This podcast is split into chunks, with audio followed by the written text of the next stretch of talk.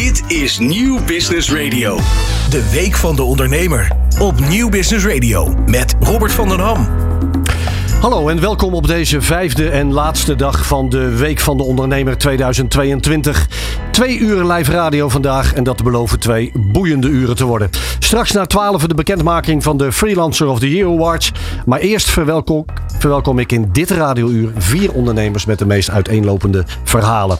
Twee daarvan zijn ditmaal mijn co-hosten. Dat zijn Heidi Los en Marcella Bos. Welkom, goedemorgen. welkom. Goedemorgen. Jullie schreven het boek De Kracht van Ondernemersdochters. Daar gaan we het natuurlijk dus ook straks uitgebreid over hebben. Maar eerst en zoals altijd het nieuws van de dag. De Week van de Ondernemer live met Robert van den Ham. Ja, en voor dat nieuws van de dag pak ik uh, mijn app er even bij. Want op deondernemer.nl pakt op dit moment waanzinnig veel traffic het statement van de econoom Paul Schenderling. En die zegt ronduit: stop met economische groei. Uh, waar wij natuurlijk heel erg uitgaan van groeien, groeicolleges, ja. uh, groei, pijnen ook dat wel op dit moment. Um, zegt uh, Paul eigenlijk het, iets heel anders. En die zegt het invoeren van een hoge belasting op consumptie, gekoppeld aan een lage belasting op arbeid, is iets wat hij als econoom bespreekbaar zou willen maken en zou willen doorvoeren. Hij zegt hierdoor worden milieuvervuilende producten heel duur, zodat mensen eerder kiezen voor stevige kleding en een goede wasmachine. Duurzaamheid. Heidi, hoe speelt dat bij jou? Uh, duurzaamheid is natuurlijk uh, heel uh, actueel. En we hebben allemaal een rol daarin te vervullen. ik zelf doe dat door veel online te werken. En minder traffic maar toch wereldwijd werken. Ja, ja. dus, dus je, je bespaart eigenlijk en op reistijd, maar dus ook letterlijk op uitstoot in dit geval. Absoluut. Ja, ja. Marcelo, hoe zit het bij jou? Nou, ik denk als ik dit statement hè, van de econoom hoor, dan denk ik van ja, weet je, daar ben ik het helemaal mee eens. Ik denk dat we met elkaar moeten kijken van hé, in hoeverre gaan we de grenzen over? De grenzen van uh, de duurzaamheid als het gaat over het ecologische, maar ook wel over het sociale kant en de steeds meer ongelijkheid tussen rijken en armen. Dus daar ben ik heel erg uh, mee eens. Uh, als je kijkt naar van um, wat hebben wij te doen met elkaar, dan, en als ik kijk naar mijzelf, wat heb ik te doen, dan denk ik dat ik iedere keer aan het kijken ben van hoe kan je de wereld een beetje mooier achterlaten dan dat je hem hebt aangetroffen. Daar zal ik niet de enige zijn die dat zegt, maar daar ook werkelijk actie op, uh, op nemen en daarin ja, actief mee bezig zijn. Dat is hoe ik dat het liefst doe. Maken en als wat, er dan kleine ja. druppeltjes, hè, dus veel druppels op een gloeiende plaat en dan maar steeds meer druppels. En dan met elkaar bewust zijn dat er een uh, limiet zit aan die groei. Als we, meer, meer, meer. Als we hem dan wat tastbaarder maken hè, en ook naar de actualiteit halen um, en luisteren naar wat die econoom zegt. Het is Black Friday. Ja. Hoe kijken jullie daarnaar als ondernemersdochters? Heidi? Ja, ik heb uh, zelf een paar jaar in Amerika gewoond en daar Black Friday uh, live meegemaakt. Uh, nu zie je de stroom naar Nederland komen en ik heb daar wel moeite mee. Uh, al ben ik wel van de oude generatie van veel meer, beter, groter. Door de ogen van mijn kinderen leer ik uh, heel veel uh, op andere manieren te kijken naar, ja, wat moeten we nu? Wat moeten we doen met deze wereld die we hebben? En, en ik denk dat we allemaal geactiveerd moeten worden. Elk uh, persoon op zijn of haar eigen manier, maar wel actief nadenken over dit onderwerp. Ik denk dat ja, de econoom gelijk heeft. Marcella? Ja, ik vond het superleuk gisteren kwam een uh, ondernemer uit het dorp waar ik ben grootgebracht en groei. Waddinxveen, Mulder Mode. Heel erg leuk. Hij inspireert mij zo nu en dan, broer en zus. En die zeggen wij doen geen Black Friday, maar Green Friday. Hmm. En ze hebben een aanbod om je uh, spijkerbroek die je hebt in te leveren. krijg je dan een tientje of ik weet niet precies, uh, ik zal het niet goed zeggen. Maar voor hè, dan krijg je voor terug. Terwijl ja. de spijkerbroek die je dan koopt een uh, totaal groen geproduceerde zowel in de arbeid als in de materialen uh, broek is. Nou, dat vind ik gaaf. Als je dat kan met elkaar weten om te keren. Die, dat oude, waar hij die het net over heeft. Hè, wij zijn van de oude, maar dat je dan met elkaar dat toch weet om te keren naar het nieuwe. En daar bewust van worden. En ik denk dat de jonge mensen en de kinderen van deze tijd ons daar super mee helpen. En ons iedere keer die spiegel voorhouden van hé hey jongens, dit is onze wereld, onze toekomst. En uh, daar moeten we met elkaar, uh, hebben we wel wat te doen. En zo is het. Een ander verhaal ja. dus ook. Stop economische groei. Je leest het complete artikel, het interview met de econoom bij ons op de website van De Ondernemer. Dit is de Week van de Ondernemer. Opgroeien in een ondernemersgezin. Welke impact heeft dat op je leven? Heidi Los en Marcella Bos schreven hierover het boek De Kracht van Ondernemersdochters. En dat verschijnt 16 december aanstaande. Desalniettemin, Daar is hij, hè? Een dummy. De Ja. fysieke versie, een dummy. Gelukkig in papier, we hebben hem. Eh, Heidi, voordat we het over het boek zelf eh, gaan hebben, neem ons eens mee. Uit wat voor ondernemersgezin kom jij? Ja, eh, de onderneming die mijn voorouders gestart zijn is in 1816 gestart als smederij en later scheepswerf. En dat is doorontwikkeld afhankelijk van de behoeften van de wereld en de behoeften van de, de mens die toen leefde. Ja. Zijn ze telkens aangepast, veranderd. En mijn vader heeft op een gegeven moment industriële gassen eh, ingebracht. En dat is eh, waar mijn broer nu nog steeds zaken in doet. Dus het familiebedrijf stamt uit 1816. 1816. Je broer is nog altijd betrokken. Absoluut. En jij samen zelf? met zijn vrouw. Eh, ja, ik heb zelf aan de keukentafel de vraag van mijn broer, die vijf jaar ouder is, gehad. eh, wil jij de zaak overnemen of niet? Ik was toen heel jong, omdat hij vijf jaar ouder was. En toen heb ik, ja, ik kon eigenlijk geen antwoord geven daarop. En eh, het is heel mooi dat hij het heeft eh, opgepakt. En Ja. hoe, hoe ziet jouw dagelijks leven er dan nu uit? Ja, mijn dagelijks leven is eh, heel gevarieerd. Ik heb wereldwijd mensen aan de te- telefoon of online eigenlijk. En ik help internationals naar werk. Dus de misschien traditionele expat die naar Nederland komt, die brengt vaak een partner mee. En deze partner, gelukkig meer en meer, wil ook een eigen dagvulling, eh, werk. En ik help hen met het vinden van werk in de Nederlandse, op de Nederlandse arbeidsmarkt. Marcella, voor jou natuurlijk dezelfde vraag. Jouw ondernemersgezin achtergrond? Ja, opgegroeid in een woninginrichtingsbedrijf. Dus alles wat je maar kan bedenken. Van vloerbedekking tot gordijnen tot de matrassen die je dan, waar je je huis mee inricht. Eh, dat had mijn vader samen met zijn broer. En hun vrouwen waren eh naaisters. Zij, zij deden het eh, naaien van de gordijnen, van de vitrages. Dus mijn leven was een beetje tussen al die spelden die je dan in huis had. Want die, eh, de- dat deden we thuis, dat naaien. En eigenlijk een achteringang gewoon gelijk naar de winkel toe. Waar dan de tapijt en de rollen tapijt lagen en de lijm. En dan daarvoor hè, de ene kant met je broek vol lijmvlekken. En dan snel huppakee, andere broek aan en in de winkel. en dag meneer, dag mevrouw, kan ik u helpen? Ja, ja, ja. dus ja. in dat, eh, ja, dat, dat speelveld, ja, dat vond ik eigenlijk toch wel fantastisch. eh. En hoe anno, hoe anno nu dan betrokken bij het bedrijf? Nou, het bedrijf is, eh, is, is niet meer van mijn ouders. Mijn vader en mijn oom zijn allebei jong overleden. Dat is jammer. We hebben een periode gehad toen mijn vader ziek werd en mijn oma al overleden was om te kijken van hey, kunnen we het eh, wellicht nieuw leven inblazen. Dus toen ben ik eh, een jaar lang in de zaak gegaan en mijn vader leefde toen nog, mijn moeder. En, ehm, maar dat is, niet, ja, dat is in zoverre gelukt om de sch- schulden weg te, zoveel mogelijk weg te poetsen. maar dat eh, is bijna gelukt, om het zo maar te zeggen. Maar niet, ik had niet een ambitie om daar, dat door te zetten. En als ik nu kijk naar heel veel jaar verder en ook dit boek geschreven hebben, De Kracht van Ondernemersdochters, dat ik denk van, oh, ik ben wel steeds meer van, hé, hey, wat als ik het wel gedaan had? Hmm. En ook geleerd van andere vrouwen eh, die dat wel hebben gedaan. Die zeiden van, ja, maar dat product had niet jouw product hoeven zijn. Je had ook Hmm. iets een andere twist aan kunnen geven, hè, maar wel het bedrijf voortzetten. Ja. Precies. En, dat ik soort hoor, gedachten eh, komen nu wel. eh, Dat begrijp ik. voor. En Ja. ik zie het de kijkers en ik hoor de luisteraars ook bijna denken van. Want we hebben het over ondernemersdochters. En we hebben het ook wel over die traditionele gedachte van de zoon die pa gaat opvolgen. Ja. Daar gaan we het verderop in de uitzending ook over hebben. Laten we eens eens kijken over hoe dit boek tot stand is gekomen. Want jullie hebben meer dan 100 dochters uit die ondernemersgezinnen gesproken. Eh, Heidi, hoe, hoe is dat gegaan en hoe, hoe kwam je tot zo'n selectie? Ehm, dat is heel natuurlijk gelopen en super snel. Wij hebben één oproep op LinkedIn geplaatst. En daar zijn eigen- eigenlijk alle 115 eh, vrouwen uitgekomen. Oké. Die hebben een vragenlijst ingevuld. En op basis daarvan zijn wij verder in de, in de materie gedoken. Wat en hebben we eigenlijk eh, eh, hebben we onderzocht wat, wat, nou die kracht van, wat is nou die kracht van ondernemersdochters die wij zagen van tevoren al. Dus Wat, wat laten we die term er eens uitpakken. Hè? Ehm, Marcella, ondernemersdochter. Wa- wie is dat precies? Wat zegt dat? Als ondernemersdochters, Ja, gewoon het kind ja, van de ondernemer. ja, Dus dat letterlijk. is die ondernemersdochters. de, de grote en de kleine En- ondernemer? of en, is het eh, ook de zijn- dochter van een CEO? Nee, dat is, de, dat is iedereen die eh, voor zijn eigen geld, een eigen rekening en risico onderneemt. Kijk, En dat, is, eh, dat kan zijn de agrarische ondernemer, waarvan de kinderen niet vaak zeggen van ik, ik heb een onderneming. Dan zeggen ze ja, we gaan naar het land of we gaan eh, in de stallen of we gaan. Hè, dus die, die, die roepen andere woorden. Eh, bij de kweker zeg je we gaan naar de tuin of eh, we gaan op het erf. Maar het zijn ondernemers. En de winkelbedrijven, de de fabrieken die er zijn. Nou, er zijn, we vieren vandaag de dag van de ondernemer. Nou, ik geloof dat er anderhalf miljoen ondernemers zijn.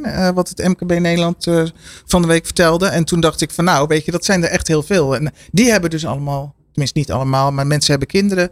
Nou, als je daar dan kijkt van nou, dan zijn er heel wat dochters dus in Nederland die een kind zijn, dochter zijn van een van die ondernemende ouders. Als we eens kijken dan naar die reacties, Heidi. Uh, uit wat voor branches zijn die ondernemersdochters dan vooral afkomstig? Kun je daar iets over zeggen? Zie je daar een lijn in? Dat is werkelijk alles wat er is. Ja, ja heel breed. Van, echt totaal breed. Van tabakswinkel tot, uh, tot champignonbroedbedrijf. Uh, tot dochter van een dokter alles. Heel breed. Ja. En van die 100 hebben jullie er uiteindelijk 24 geselecteerd. Hoe, hoe is die, uh, die, die selectie tot stand gekomen? Waar kijk je dan naar? Nou, we hebben Nederland vooral als, als kaart genomen. En we hebben dus een, uh, we hebben twaalf provincies. Dus we hebben daar naar gekeken. We hebben naar leeftijden gekeken. We hebben naar uh, branches gekeken. Dus, maar ook naar wat doet men nu? Hè, wat, wat is er dan losgekomen vanuit die, vanuit die broed, zeg maar, vanuit die kweek in de onderneming van hun ouders. Ja. En, en pik je dan de meest brede, interessante, gekke, rare, bijzondere. Eh, op basis waarvan selecteer je dan die 24 ten opzichte van die ruim 100, uh, eh, Marcella? Nou, nee, dus niet gekeken naar van wie is de leukste of het mooiste snoetje of wat dan ook. Maar wel echt precies wat hij die zegt. En dan kom je eigenlijk, als je dan een getal van, als je begint met 120, kom je dan vanzelf op 24 uit. Als je zegt, hé, hey, alle provincies, hé, hey, uh, mensen die zelf ondernemer geworden zijn in een ander bedrijf, mensen die bedrijf overname hebben gedaan en mensen die in loondienst zijn. Uh, dus die drie gradaties en dan nog de gradaties over de branches heen. Nou, dan kom je vanzelf een beetje in de buurt van die, uh, een top 30 of zoiets in die, in die geest. Hè? En, eh, ja, En, en, dat is goed gelukt. Want ik heb het inmiddels kunnen lezen, kunnen inzien. Het is oprecht goed gelukt. En wat ik daar onder meer ook in las, uh, Heidi, is dat het een feest van herkenning voor dochters van ondernemers is geworden. Het boek. Waar, waar, die opmerking, waar zit hem dat dan bij jou in? Ja, de feest van herkenning is een uitspraak die van Marcella komt. Uh, die, die, credits gaan naar Marcella. wij hebben, ja, ja, ja, ja, Maar het was werkelijk een feest van herkenning. In onze gesprekken die we met deze vier 24 dochters hebben gehouden, was het voor ons een feest van erkenning. Maar wij deden er 24. Voor alle 24 van die dames was het een feest van erkenning. Ze voelden zich gehoord. Ze voelden zich herkend. Ze voelden zich thuis bij ons. Uh, bij het verhaal. Eigenlijk bij hun eigen verhaal. Hè? Het, was niet, het was niet om ons, maar het was om het verhaal. En de puzzelstukjes die voor hen uh, vielen. Het werd gewoon duidelijk. van aha, komt het daar vandaan? Dat soort uitspraken waren gewoon aan de orde van de dag. Dus het, was, een, een heer, het was een feest van herkenning. Marcella? Dus de energie die spatte eigenlijk in, ja. van het scherm af. In het begin van ons uh, onderzoek was in, uh, in de coronatijd nog. Dus toen waren we met elkaar uh, online de mensen aan het ontmoeten. En op een gegeven moment hebben we in maart van dit jaar hebben we gezegd van nou we we, we gaan ze uitnodigen fysiek. En toen hebben we die groep bij elkaar gehad. Ah, oké. En er was zoveel kracht kwam binnen. Zoveel energie, zoveel, ja, wat Ingrid Thijs ook in haar voorwoord schrijft, can-do mentaliteit, zeg maar. Zo dat we toen, de, toen op die dag, gewoon, pas kwam het binnen. Nou, dit wordt de titel van het boek. De kracht van de ondernemersdochters. En toen, op die dag, hebben we besloten van, nou weet je, we gaan een fotograaf vragen om dat ook in, in beeld te brengen van die ja, die ontzettend mooie energie en die kracht die van, uh, van die vrouwen uitgaat. Ja. De can-do mentaliteit. Ja. Gaan we het straks verder over hebben. We praten dus verder over jullie boek De Kracht van Ondernemersdochters. De Week van de Ondernemer op Nieuw Business Radio. En we gaan nu in gesprek met Ben Avo. En we gaan het namelijk hebben over het ondernemersforum High Level NL. En daarvoor is aangeschoven Ben Avo, community manager bij de RVO, de Rijksdienst voor Ondernemend Nederland. Ben, welkom. Welkom. De filosofie achter High Level is om ondernemers te helpen zodat zij elkaar weer kunnen helpen om tot een hoger bedrijfsniveau te komen. Neem ons eens mee, hoe gaat dat in zijn werk? Nou, je moet zien dat uh, Higher Level is een, uh, een forum. Een, uh, ja, misschien een wat klassieker ehm, social media item wat, wat, we, wat wij inzetten. Maar wat uitermate geschikt is om te adviseren aan de ene kant. En om, ja, om vragen te stellen aan de andere kant. En twintig jaar geleden heeft mijn collega uh, Mickey Vrolijk uh, dit uh, medium in het leven geroepen. En eigenlijk is de, de kernboodschap van ja, de echte ervaringsdeskundigen zijn de ondernemers zelf. en via het, het samenbrengen van ondernemers op, op een forum ja, kunnen we toch beter samen de problemen waar ondernemers tegenaan lopen counteren en, en ja, zo verder helpen. Uit, uit welke hoek komen de ondernemers nou vooral die bij jullie op het platform komen? Ja, ik denk dat dat heel breed is. Ik denk als je kijkt naar het type mensen wat op ons forum komen, dat je aan de ene kant moet denken aan een uh, IT'er die een high-tech start-up creëert. Maar aan de andere kant ook de huismoeder met drie kinderen die uh, online een, een, webwinkel begint. Ja. En vervolgens hebben we dan ook nog eventueel de gepensioneerde ondernemer die het gewoon heel leuk vindt om andere ondernemers uh, te adviseren. Mm. En daartussenin zitten ook nog allemaal ZZP'ers die natuurlijk een, van hun beroep een, een, een bedrijfje hebben gemaakt. Dus ja, het is heel moeilijk om daar echt een, een eenduidig antwoord op te geven. Zelf denk ik, als je het echt zou moeten duiden, dat het vooral echt het midden- en kleinbedrijf is. moet je denken bedrijven tot ongeveer zo'n tien man personeel. Omdat uh, als de mensen wat groter, uh, de bedrijven wat groter worden, zie je dat uh, ze speci ja, specialisten in dienst gaan nemen. Dat ze echt mensen gaan aannemen om de taak uit handen te nemen. en niet meer zelf ja, op zoek gaan naar informatie. Begrijp ik. Um, ik zag het vlaggetje inderdaad ook al bij jullie op de homepage van 20 jaar higherlevel.nl. Nou werk je zelf als goed heb ruim een jaar daar. Kun je iets vertellen over de veranderende vragen die je daar wel hebt zien ontstaan? De veranderende discussies in die laatste maanden. Misschien bewust ook wel vanwege corona? Ja, nou, ik denk zeker dit afgelopen jaar, maar dat geldt niet alleen voor ondernemers, denk ik, maar voor iedereen, is het toch een heel erg bewogen jaar geweest. Uh, we hebben natuurlijk de oorlog in Oekraïne, die uh, zeker op, uh, op het gebied van handel flinke impact heeft gehad. Maar natuurlijk ook, sluit nog steeds niet uit, de brexit. En handel met het Verenigd Koninkrijk. Precies. Dat is toch nog iets wat echt dagelijks ook op ons forum langskomt. En de ja. problemen die dat veroorzaakt. Nou ja, je geeft zelf corona aan. Ik denk dat dat ook zeker een, een impact is voor bijna alle ondernemers. Um, ja, en we de, helaas zien we ook, als je naar de laatste tijd kijkt, ook steeds meer vragen rondom uh, management buyouts of eventueel het eh, aanvragen van faillissementen. Mhm. Ja, dat zijn toch ook allemaal zaken waar je als ondernemer niet van tevoren al mee aan de slag gaat. En dat toch ja, gaandeweg op je pad gaat komen. Marcella, Heidi, jullie als ondernemers, dochters, luisterend en de kansen die zo'n platform biedt. Waar zouden jullie daar informatie en, en nieuwe, nou, vooral nieuwe ideeën kunnen vinden? Met wat voor onderwerpen? Wellicht rondom familiebedrijven? Ja, absoluut. In het thema van uh, de kracht van de ondernemersdochters natuurlijk. Uh, de rol van de vrouw in de bedrijfsopvolging. Uh, dat sowieso. Ehm, maar eigenlijk veel breder ook waar we mee begonnen vandaag. Hè, het verduurzamen, het, het beter je product in de wereld zetten. met zorg voor de toekomst. Um, ja, die thema's zou ik zeker besproken willen zien. Ja. Marcella? Ja mooi. Nou, jonge ondernemers, mannen en vrouwen. Um, En je zegt het al mooi en daar haakt, ik voelde dat ik daarop aanhaakte van nee, de ondernemers weten zelf vaak het beste. Uh, wat voor hen speelt. En dat je daarin rondom de content wat voor hen speelt. Want ze hebben aan de keukentafel en aan de, uh, na, na het werk ook de mooiste gesprekken natuurlijk. En met andere conculega's. Om te kijken van hey, hoe kan je die inhoudelijke dingen die spelen voor die diverse ondernemers. Dat, uh, dat brengen, ja, faciliteren als een mantelorganisatie, zeg maar. Zoals Rijksdienst voor Ondernemen Nederland, zoals ik ze ken in elk geval. En, en dat zien te faciliteren met de content die de mensen zelf, waar ze zelf mee komen. En dan jonge, nieuwe ondernemers die toch deze samenleving uh, voor een groot deel draaiend houden, vind ik altijd. Uh, daarin uh, ja, faciliteren en helpen. En, ja, nou, dat zijn mooi Ik wil er wel op aanhaken. Ik denk ook dat je gelijk ook een van de grote problemen aankaart, ook voor de huidige ondernemers op dit moment. En dat is dat de, uh, de informatie is te vinden. Het probleem is eerder dat uh, de ondernemer door de bomen het bos niet meer ziet. Ja. Uh, er zijn heel veel goede plekken om, om goede informatie te vinden. Het ondernemersplein is een heel goed voorbeeld. Zeker voor een startende ondernemer. de KVK, de RVO, je noemt ze.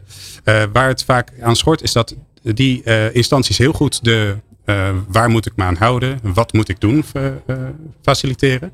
Maar dat er vervolgens niet uh, specifiek naar de ondernemers eigen situatie wordt gekeken. Juist. En echt de hoe-vraag van ja, hoe ga ik daar met die informatie om? Ja, die blijft helaas vaak achterwege. Ja, en dat is dan wel ook echt een, een, een, een kans waar, waar higher level ingesprongen is. Door inderdaad ondernemers onderling elkaar te helpen. En te versterken. En te versterken, inderdaad. je ziet ook echt, als je de, de vragen op ons forum ziet, dan zie je ook vaak dat het begint met antwoorden met uit mijn ervaring. Of heb je mm. gedacht aan? Mm. pas op mijn ervaring is. Ja. het, het, zijn, het, zijn de ervaringsdeskundigen, waardoor er echt een, eh, in de afgelopen twintig jaar een, een schat aan informatie is ontstaan op ons forum. Die ook makkelijk terug te vinden is. Ja. waar denk ik uh, elke ondernemer, uh, of het nou een beginnende ondernemer is, maar zelfs ook al ondernemers die al jaren in, in het vak zijn. Ja, die kunnen daar veel voordeel uit halen.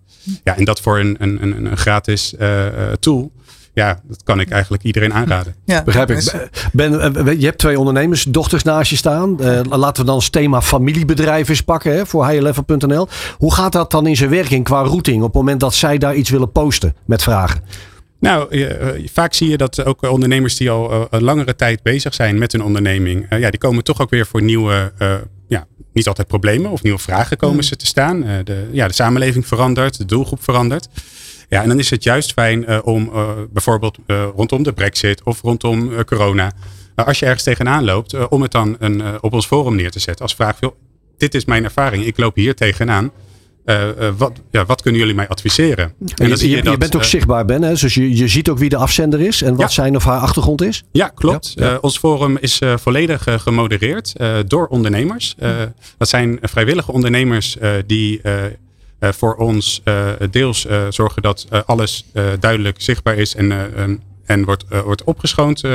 zodat het echt ook de content over ondernemers gaat.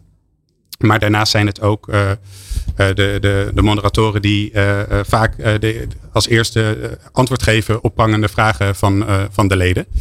Ja, en we hebben natuurlijk twintig jaar ervaring opgebouwd. En in die twintig jaar hebben we ook een grote groep, uh, soort van superusers uh, naar ons toe getrokken.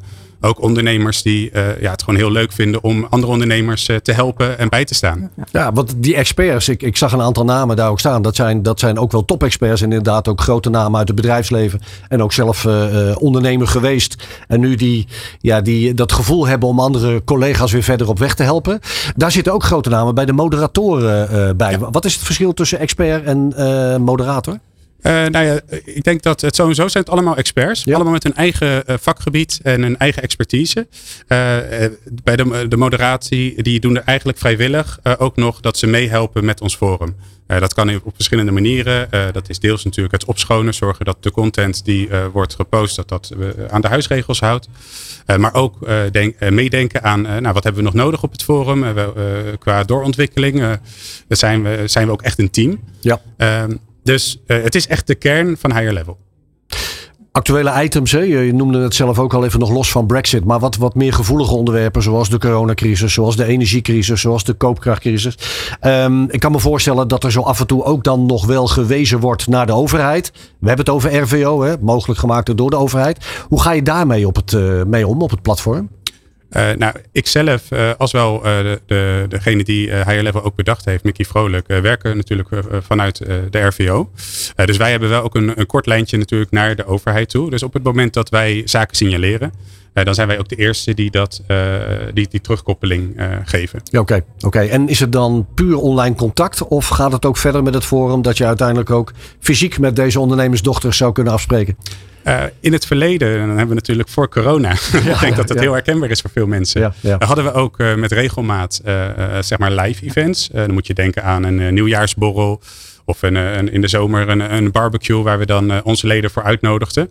En daar kwam een, een, ja, een, mooie, een mooi aantal kwam daarvoor voor opdagen. en daar werd dan natuurlijk ook flink genetwerkt en, en ook kennis gemaakt fysiek. Um, met de corona is dat wel wat teruggezakt. Uh, het is wel weer iets waar we naar de toekomst toe uh, aan het kijken zijn of we dat weer kunnen oppakken.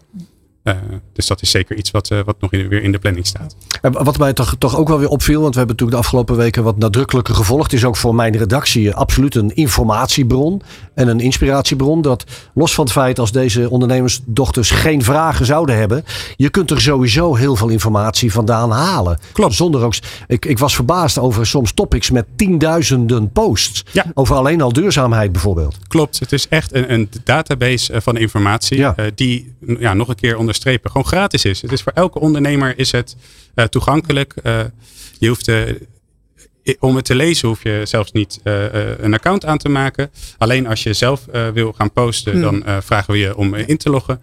Um, en ja, 20 jaar is natuurlijk ook een hele lange tijd. Dat is voor de, de, de, wat ouderen onder ons nog zelfs voor de periode van, van Hives. Ja, ik denk dat bij veel ondernemers dat al niet meer. Ja, ja.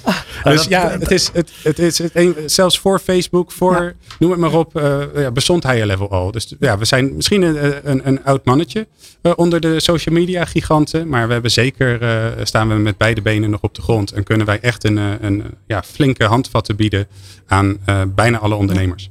Dank voor je komst. Nou, oh, sorry, nog één vraag. Ja, Eén vraagje, wat ik wel mooi vind. Uh, wat je zegt, hè, van, het is heel makkelijk toegankelijk. Er zit veel informatie op, gratis, et cetera. En ik denk ook dat dat ook heel mooi is. Omdat wat je hoort en ziet bij de ondernemers... is dat je ze eigenlijk de echte passie en hun echte werk... gaat over datgene waar ze mee bezig zijn.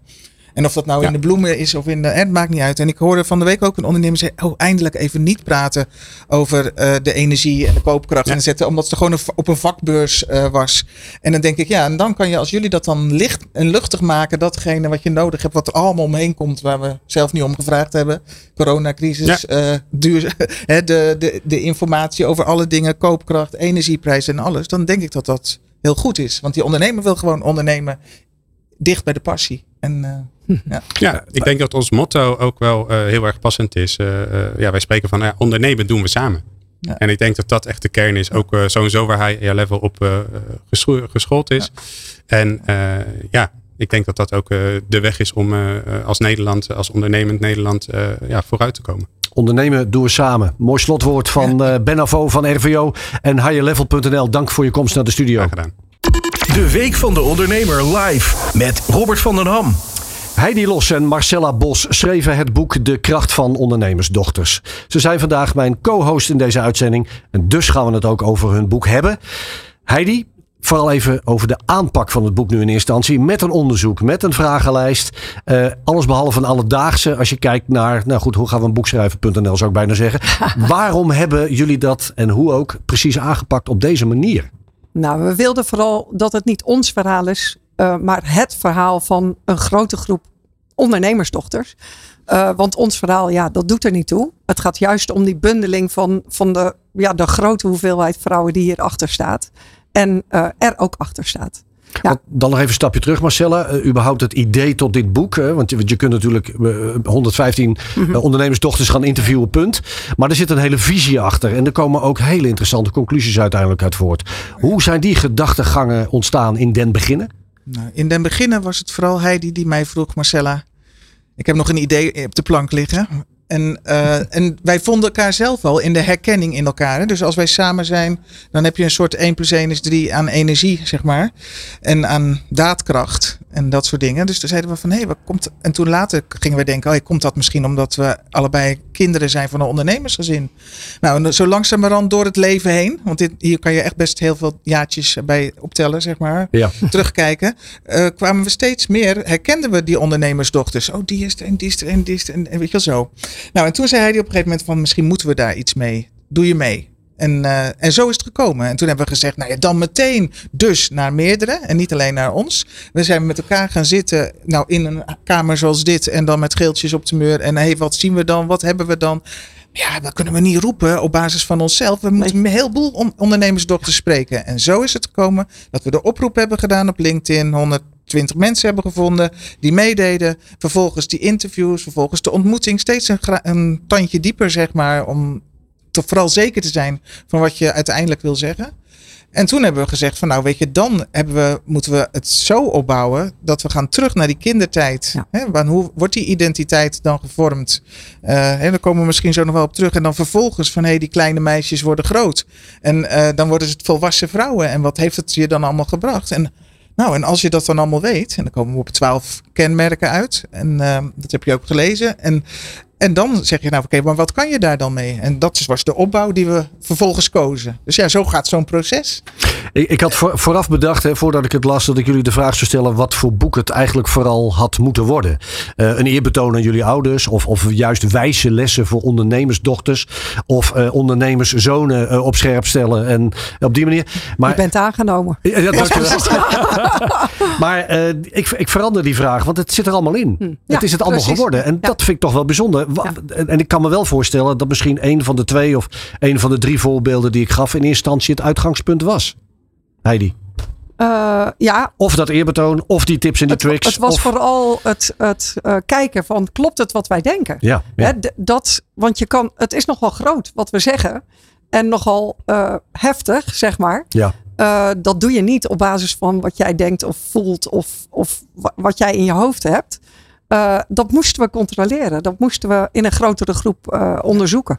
Ja. Want, want even over jou dan inderdaad. En zeker ook naar het begin. Ik, ik heb deze quote bij jou uitgehaald. Van je zegt, je schrijft. Ik ben een ondernemersdochter. En in gesprek met een andere vrouw. Merk ik meteen dat zij er ook één is. Ja. Ik pik ze er keer op keer tussenuit. Ik zie overeenkomsten tussen die andere ondernemersdochter en mezelf. Ik probeer daar dan een voorstelling van te maken. Enfin, kijk de foyer in. Daar zie je heel veel ondernemers op dit moment. Want we gaan straks natuurlijk de Freelancer of the Year Awards uitreiken. Je, je pikt ze er bij wijze van spreken al tussenuit. Maar wat is dat dan? Dat, die herkenning en dat gevoel. Het, het is bizar, want ik werk met heel veel nationaliteiten. En zelfs over de grens eh, pak je ze er tussenuit. Het is de can-do mentaliteit. Het, het aanpakken. Het, hoe, hoe ze met tegenslag omgaan. Hoe ze eh, manoeuvreren in dat wat de, wat de economie vraagt. Of dat wat, wat de wereld vraagt van hen. Het leven. Het Ja, leven, ja, ja, ja, groter ja. dan dat zelfs. En eh, daar, het is, het is voor mij zo voelbaar, zo herkenbaar. Die kracht, die, ja, die power eigenlijk die daaruit komt. Werkt dat bij je ook zo, Marcelle? Die, die herkenning meteen van dat, dat is er één. Nou, de, de- dat is er een. Die komt. eh, ik denk dat hij die nog veel meer dat kan voelen, zeg maar. Dus de, die voelkant heeft.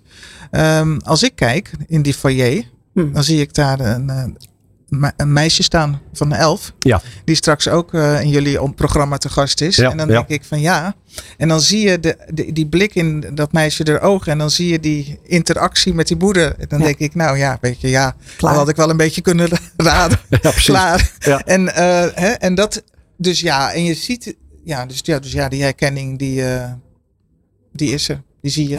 Waar praat je dan als eerste over, als die herkenning er is? Want dan kom je iemand tegen en dan, dan is die herkenning al dan niet wederzijds. Heidi, gaat het dan meteen over eh, hoe gaat het met je bedrijf, de omzet, personeelsproblemen, eh, Nou, energiecrisis enzovoorts? Ja, dat was een hele mooie vraag. Maar Ja. wat leuk is en wat we ontdekt hebben bij die interviews met die vrouwen, dat ze het heel prettig vinden om terug te kijken en echt te reflecteren.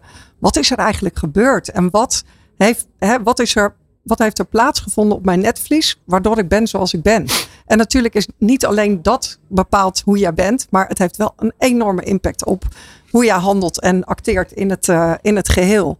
En dat wat je, ja, Marcella houdt ze omhoog. ja, dat de- de je geeltjes. hoort En Ja, ja, ze ja. elleboog. Je Want hebt gelijk, de, de, dit de, is waar praat je over is Ja. niet lullen, maar poetsen. Precies, Doorgaan. Kan het niet linksom, dan kan het rechtsom. Ja. Eh, niet zeuren, kan niet, bestaat niet. Eh, en niets is vanzelfsprekend. En dat vind ik eigenlijk ook wel een mooi, mooie. Ja. Hè? Je, het, het, is, het komt je niet allemaal aanwaaien. Je moet ervoor werken. Ja. En eh, dat doen al die ondernemers ook.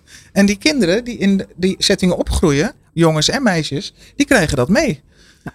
Die zien die ouders. Je, ouders. je ouders gaan niet naar hun werk. Ze zijn op hun werk. En jij ziet dat. Ja, ja. Jij bent erbij. En, en los dan van die herkenning van die ondernemersdochters. En laten we dit als voorbeeld eh, nemen. Want je- dan heb je ook een hele andere jeugd. Want die ouders zijn op zaterdag inderdaad niet bij dat sportveld. Maar druk met. Wat heeft dat dan met je achteraf gezien gedaan? Van oké, zij is geen ondernemersdochter. En daar staan papa en mama wel. En die van mij staan in de winkel. Uh, nou, een heel groot stuk zelfstandigheid. Dus op hele jonge leeftijd. En we zullen binnenkort ook een filmpje laten zien uh, online. Uh, van een meisje van 2,5 jaar. Die gewoon in de winkel van haar vader kopjes koffie serveert. Ja, daar zie je waar het, wat er gebeurt. Het, het is een stukje zelfstandigheid die eigenlijk niet past bij je leeftijd. omdat de wereld om je heen is zoals die is. Ja, dus ja. je stapt eigenlijk voorbij dat waar, waar jij normaal uh, speelt met blokken of met, uh, met monopoliegeld, breng jij geld naar de bank. Ja, nog dat wel was, spelen. Dat was nog, en nog wel, maar wel spelen. Ja, wel spelen, ja, precies. Ja, zeker, maar, maar heb je dan toch ook het gevoel dat je iets, Marcella, dat je iets hebt gemist daardoor? Nou, nee. nee, niet echt. Ik heb wel achteraf gezien. Maar daar, daar, wist ik niks van toen ik in dat leven zat. Maar later, toen ik een man, een vriend kreeg, een man en weet ik wat. En die, zijn vader was altijd bij de voetbalwedstrijden. En, en die kwam bij mijn volleybalwedstrijden kijken. En dat ik dan later dacht van, hé, hey, Oh ja, dat is eigenlijk wel jammer dat ze daar nooit geweest zijn. Want het was voor mij toen best belangrijk in mijn leven. Het ja. volleyballen. Ja. Hè? En de, maar goed, heb je dat gemist, gemist? Nee, want je krijgt er zo ontzettend veel voor terug, vind ik. Ja. En ja, wel ook wel, omdat je dus heel dicht op elkaar leeft. En in de spanning soms van het ondernemerschap. Uh, in de mooie dingen samen viert. In de zorgen samen de mouwen opstroopt. Uh, vind ik dat je een hele sterke band met je ouders krijgt. En die heb ik nog steeds. Mijn vader is overleden al lang. Maar met mijn moeder, ja, je, je, je kan met elkaar uh, redelijk lezen en schrijven. Ja. En elkaar lezen over, ja, zo. Ja. Het is zoals het is ook, hè? En dat is ook een uitspraak die, ja. het is zoals het is. Ja, ik bedoel, ja, je, kan, je gaat er gewoon, en dan gaan we door. Ja. Het is zoals het is en we gaan weer door. En he, heb je bij Leven en Welzijn, heb je het er dan ook uh, samen over? Dus met je ouders van, oké, okay, ja maar. Of zou je niet, of... Of is het Als de grootste zaak van de wereld? Niet. Als nee. kind helemaal niet. Nee. Uh, maar nu hebben we wel gesprekken. En dat zie je ook bij al die de ondernemersdochters die in gesprek kunnen gaan nog met hun ouders. Ja, ja. Die doen dat ook. En daar ontstaat een hele mooie chemie tussen, uh, tussen die ouders en die kinderen. Hè, jongens en meiden hoor. Uh, die, die, die komen gewoon in gesprek met elkaar over wat betekent dat eigenlijk voor ons als gezin. En wat, wat mooi eigenlijk. En ja, het is echt heel gaaf. Wat voor, wat voor verhalen krijg je daarover terug van die andere ruim uh, 100 uh, ondernemersdochters als het hierover gaat? Nou, met name de, kijk, de 24, zeg maar, die we wat meer geïnterviewd hebben.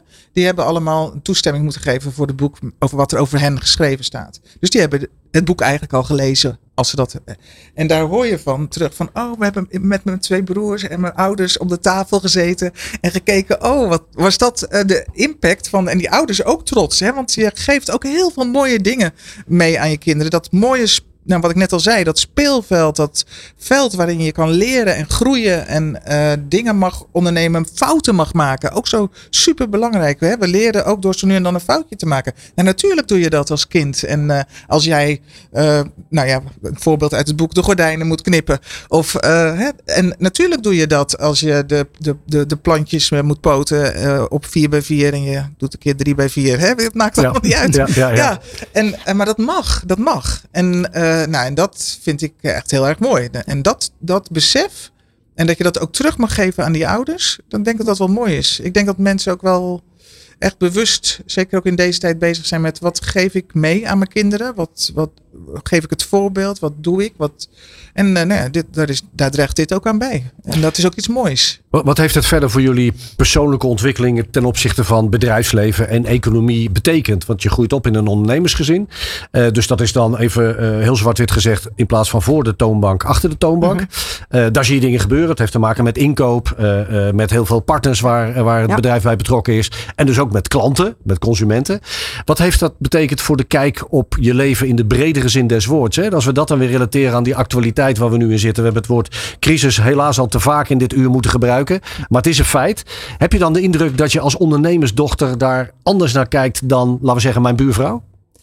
Uh, ja, uh, dat denk ik zeker. Het, het, is de manier waarop je kijkt naar de wereld. De manier, als je een restaurant binnenstapt, dan zie je hoe, hoe dingen anders kunnen. Of als een feest georganiseerd wordt, dan zit je, je ziet meteen, ja. je kijkt veel breder dan alleen uh, dat, dat stukje tartaar of, of, of uh, dat groentje wat op het bord ligt. Precies. Je kijkt naar het hele plaatje en, en je, je hebt daar dan een mening over. Of een, en waar dat vandaan komt, tell me. Het is, het is het complete plaatje wat je ziet. Opvoeding. En waar je eigenlijk ook aan wil bijdragen. Ja. Dus ja. Uh, ja, Uh, de keren dat ik in een autozaak liep, dat ze mij vroegen: Heeft u deze auto ook in het rood? Nou, dat is ontelbaar. Terwijl ik heb helemaal niks met auto's. Sorry, Roland. Ja, ja.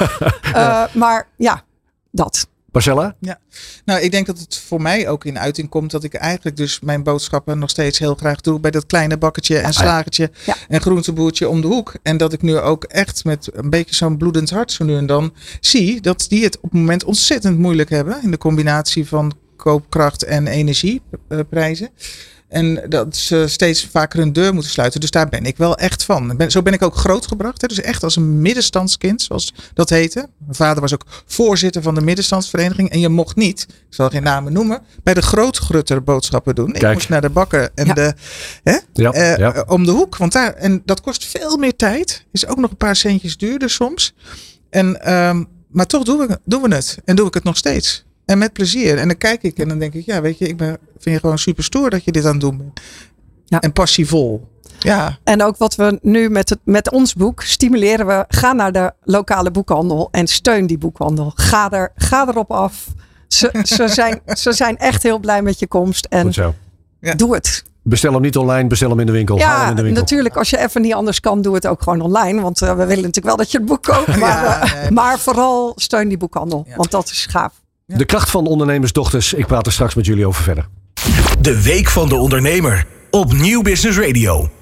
Op onze website vind je er alles over. De mailbox bij ons stroomt dagelijks ook nog vol. En dan heb ik het over berichten van ondernemers die het meer dan moeilijk hebben vanwege de hoge energiekosten. Onder meer bakkers sluiten de deuren. Ook onder meer de horeca heeft het zwaar. Nog altijd zwaar. Restaurants sluiten de deuren. Sommige enkele dagen per week. Sommige maanden lang. Juist de komende maanden, want het wordt winter.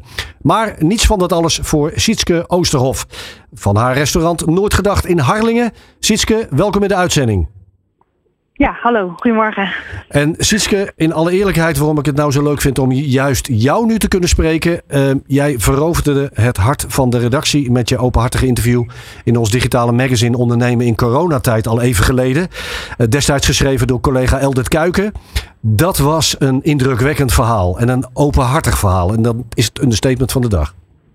Oh, dat ben ik me nooit zo bewust geweest hoor.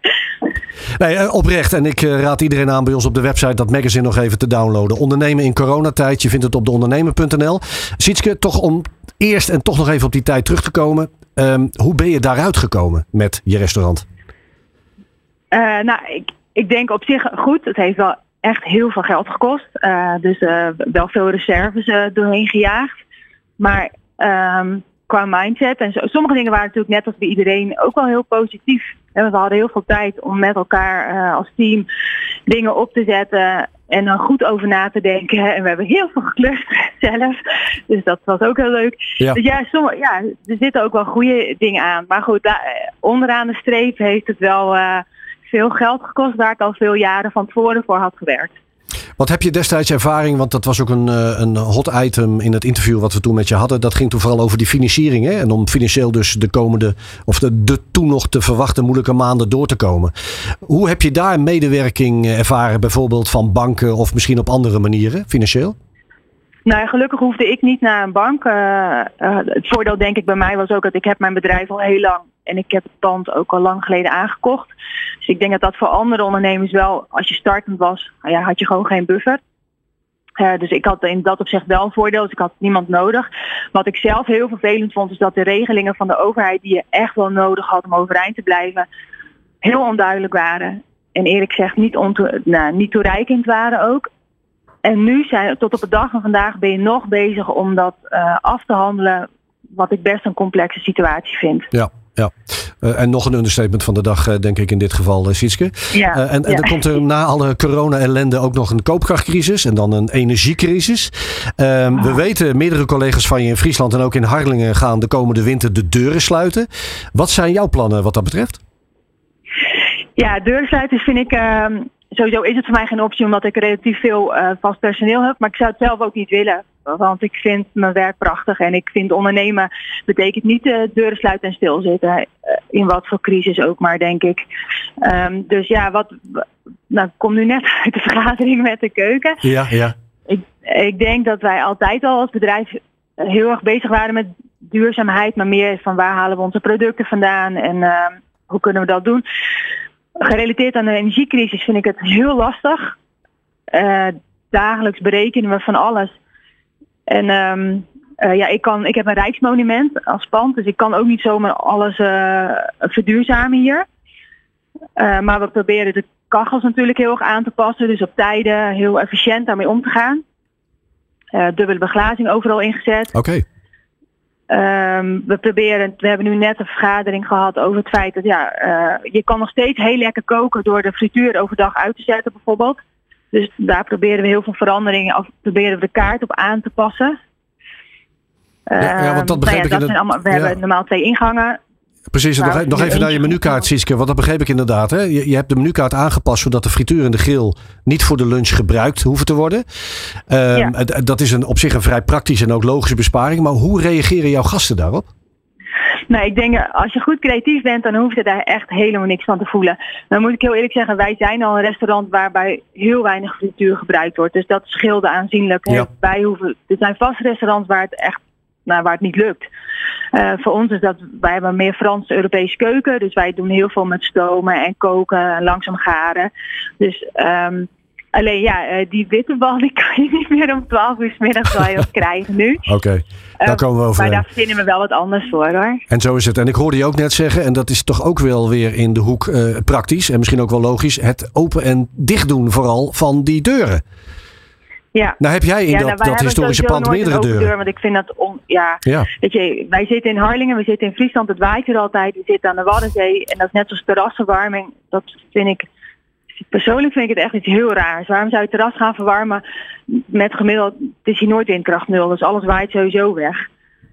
Um, dus ja, dat, dat soort dingen doe ik sowieso niet. En Nee. inderdaad, uh, de, de voordeur wordt nu alleen gebruikt, de zijdeur wordt helemaal, de leveranciersingangen worden dichtgehouden. En we proberen dat ook allemaal zo te centreren dat er eh, voordat de kachels aangaan, alles al binnen is. Je gaf net al aan, ik, je, je komt net uit het gesprek met de keuken. Ik begrijp ook dat dat lang al niet meer alleen over het menu gaat, maar ook waar stoppen we de stekker wel en, en niet in. Um, en dan Ja. breng ik uh, even het linkje op, tot stand met de samenwerking met Essent die we daaromtrent hebben. Want we hebben namelijk een poll gedaan op onze website en op LinkedIn met de vraag: welke besparing helpt horeca het beste? Daar is uitgebreid op gestemd en mogelijke antwoorden waren de deuren sluiten als in dicht doen, waar wij het uh, Sietske zojuist over hadden. Een energietax bovenop de rekening voor de klant doen. Alleen de verwarming aanzetten als er gasten zijn en het aanpassen van de kaart. Zo'n 40% van de stemmers koos voor het dichtdoen van de deuren. En daarmee bedoel ik dus het sluiten van de deuren. En op twee, een energietax toepassen. Klanten meer laten betalen. Sietske, hoe zie jij dat? Nou, dat, die energietax, ik snap, uh, maar ik vind dat te kort door de bocht. Hè. Uh, ik vind sowieso dat je eerst moet kijken van wat kan je zelf doen als bedrijf. Uh, dus waar kunnen we creatief in zijn. En ja, we kunnen overal een tax op gooien dan, want uh, onze inkoop is sky high momenteel. Want het is natuurlijk een heel ABC'tje. Hè. Alles wat ik koop, uh, wat in een pot zit, die pot komt uit de fabriek, die vraagt er meer voor. Nou ja, weet je, je kan overal dan wel een tax opzetten of een verhoging opzetten. En we kunnen niet één op één doorrekenen aan onze gasten wat we doen. Dus ja, ik, ik ben niet zo voor zo'n energietax. Marcella, uh, jij kent het restaurant ook. Stel dat die energietax er zou komen. Wat denk jij dan als gast? Uh, nou, als gast uh, snap ik wel de, de nood van de ondernemer op dit moment. Dus ik zou er niet per se rouwig om zijn.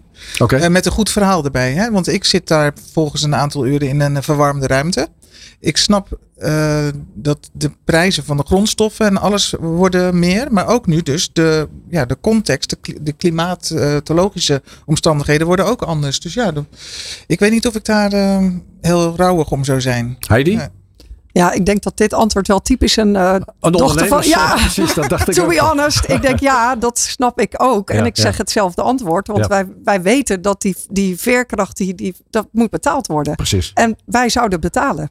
Zonder knippen of uh, hè, Ja, blik, blikken of blozen. Ik weet niet of dat, dat voor iedereen geldt. Uh, ik hoop het wel. Ja, dat begrip Nou, van die denk- ondernemer. Ja, ik denk dat dat ook het probleem is. Dat, dat niet iedereen kan Juist. dat betalen. Wij hebben net Ja. berekend dat als wij letterlijk zouden doorrekenen wat een hoofdgerecht zou moeten kosten, dan moeten wij nog nou, 22% omhoog om, om onze marges te halen. Oké. Ja, kijk, iedereen heeft een ander gebied, maar ik weet gewoon dat het voor heel veel mensen dan niet meer haalbaar is Ja. om uit eten te gaan. Ja. Siske, je doet Eh. al heel veel. Zijn er nog meerdere maatregelen die je zou kunnen nemen? Eh, puur op energietechnisch Ja, eh, ja. Bedoel, vlak bedoel je? Ja, ja. Ja, kijk, ehm, dit pand, ik ben al in conclave geweest met de gemeente. Ik zou heel graag zonnepanelen willen. Nou is dat met dit pand echt heel lastig en dat begrijp ik ook wel. Dus, maar ik denk voor heel veel ondernemers is zijn zonnepanelen en een warmtepomp echt wel, eh, zou ik adviseren. Ik heb het, mijn man zijn bedrijf heeft het ook en het, dat doet wel veel. Het kost heel veel investering op dit moment. Maar voor de lange termijn denk ik echt wel dat het slim is. Eh, ja, en als ik puur naar energie kijk, dan denk ik ja, terrasverwarming vind ik zelf eh, eigenlijk niet helemaal kunnen in deze tijd meer. Want dat is toch een soort van energieverkwisting. Ja, ja, ja. En moreel maar ik weet misschien ook moeilijk uit te leggen. restaurants natuurlijk ook anders denken. Want die zeggen ja, maar die tien gasten die ik nu wel op mijn terras kan hebben en die ik niet binnen kan hebben, is een plus op mijn omzet. Dus het is altijd een afweging van wat het een tegen het ander. Je blijft open in de winter. Sterker nog, bij de kerstdagen ben je ook open, Sietske. Ik maak meteen even wat eh, PR voor. Trouwens, over PR gesproken. Daan, de technicus hier. We zijn er nu toch. En Sietske, eh, we dragen je een warm hart toe. We zijn blij dat je de coronacrisis hebt overleefd. En met jouw daadkracht en oplossinggerichtheid gaat dat nu ook weer in deze energiecrisis eh, lukken. Daan, hebben we iets van een muziekje? Kunnen we even een promo doen? Gewoon, ja, promo? Kan dat? Ik, ik zie een ja. Als jij, kijk, daar heb je hem. Dan, dan roep ik restaurant Noordgedacht in Harlingen. Gevestigd in een van de oudste en gaafst bewaarde pakhuizen van Harlingen. Uit 1647. Het is herfst. Het is tijd voor soep, chocoladetaart, koffie, herfstthee, rode wijn, stoofvlees. Geniet ervan bij Noordgedacht in Harlingen.